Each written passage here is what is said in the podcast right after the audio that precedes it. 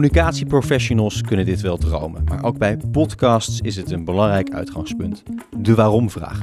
Waarom maak je een podcast? En die waarom-vraag is weer op te delen in twee andere vragen. Wat is het doel en wie is de doelgroep? Dat zijn de belangrijkste vragen die je moet beantwoorden voordat je aan de slag gaat met het maken van je interne podcast.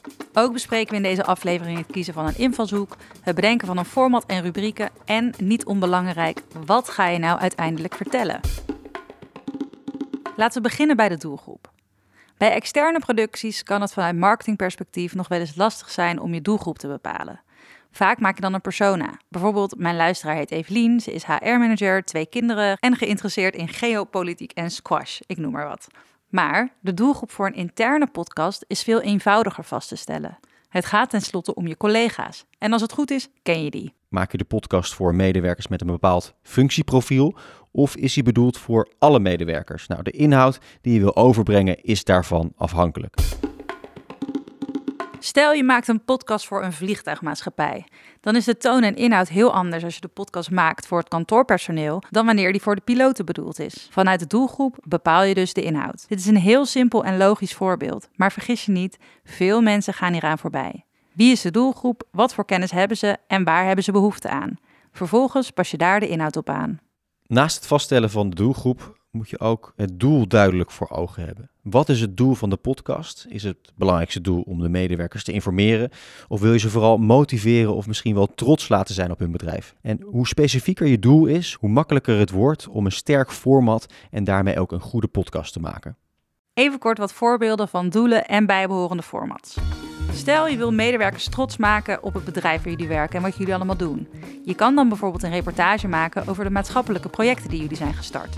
Of je wil bijvoorbeeld je medewerkers motiveren. Dan kan je een wekelijkse podcast maken waarin uitdagingen en successen worden gedeeld. Medewerkers informeren, ook een belangrijk doel. Laat dan iemand in een bedrijf vragen van medewerkers beantwoorden in een mini-college. Je hoort het al een beetje in de voorbeelden. Bij elk doel past een format. Een format dat het doel ondersteunt. En het belangrijkste aan het format is dat je een verhaal hebt. Dat je in één zin kan vertellen waar de podcastserie over gaat. Maar een interne podcast kan ook een wat abstracter doel hebben. Bijvoorbeeld dat je medewerkers wil inspireren of andere perspectieven wil laten horen op het werk dat jullie doen. Qua format kun je dan bijvoorbeeld denken aan het uitnodigen van externe experts die hun visie delen op de sector of op jouw bedrijf. Format betekent eigenlijk twee dingen: het concept en de vorm. Om dat onderscheid uit te leggen, gebruiken we het voorbeeld van een externe productie die we hebben gemaakt. In dit geval de podcast Geen Commentaar, een serie van onze collega Frank Kromer over crisiscommunicatie. Het concept was een podcastserie met daarin meerdere perspectieven op crisiscommunicatie.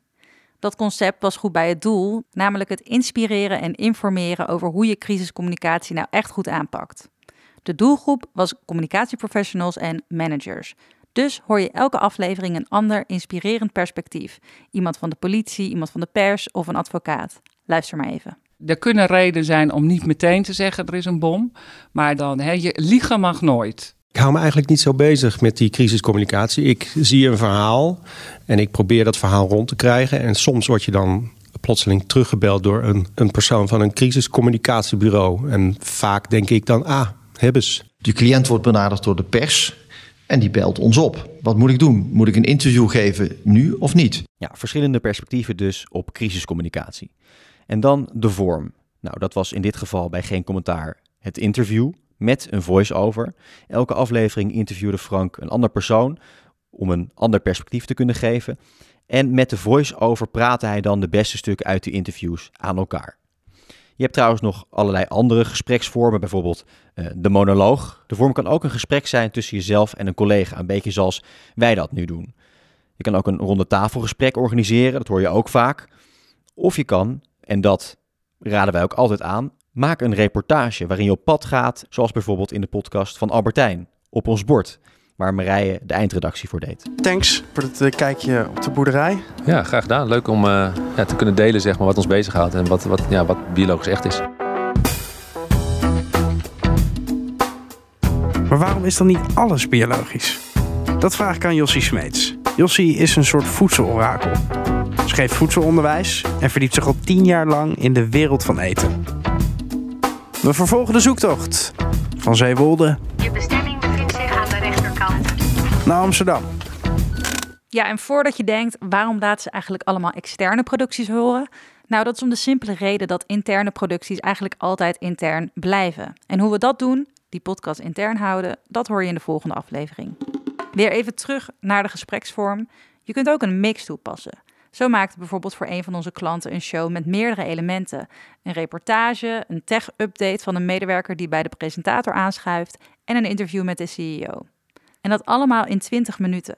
Het hoeft niet lang te zijn en wat afwisseling is fijn en houdt de aandacht van de luisteraar erbij. Ja, de vorm is natuurlijk ook afhankelijk van de tijd die je erin wil steken.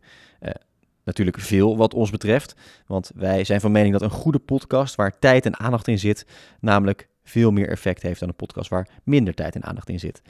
Uh, dat zien we ook terug in onze uitluistercijfers uh, van de podcasts die wij maken. Dan ter herhaling en aanvulling de best practices voor interne podcast. Bedenk goed waarom het voor jouw doelgroep, de luisteraar, relevant of interessant is om naar de podcast te luisteren. Je kan een heel duidelijke doelstelling hebben vanuit het bedrijf, bijvoorbeeld om medewerkers en directie dichter bij elkaar te brengen. Maar het moet dan alsnog wel interessant zijn voor die medewerkers om hier naar te luisteren. Zorg dus dat je je goed verdiept in jouw collega's, zodat je goed weet welke vragen en onderwerpen bij hen leven. Een belangrijk voordeel van het gebruik van podcasts voor interne communicatie is dat er eindelijk ruimte is om eens de diepte in te gaan. Geen kort filmpje dat alleen de oppervlakte raakt of een korte mededeling per e-mail, maar juist de ruimte voor het echte verhaal in gesprek. Dat zorgt voor echte aandacht vanuit de medewerkers. Het is belangrijk dat de luisteraars zich gezien en gehoord voelen. Ze moeten ervaren dat de podcast echt voor hen is gemaakt. Maar hoe maak je nou die podcast? En hoe verspreid je ze? Dat bespreken we in de derde en laatste aflevering.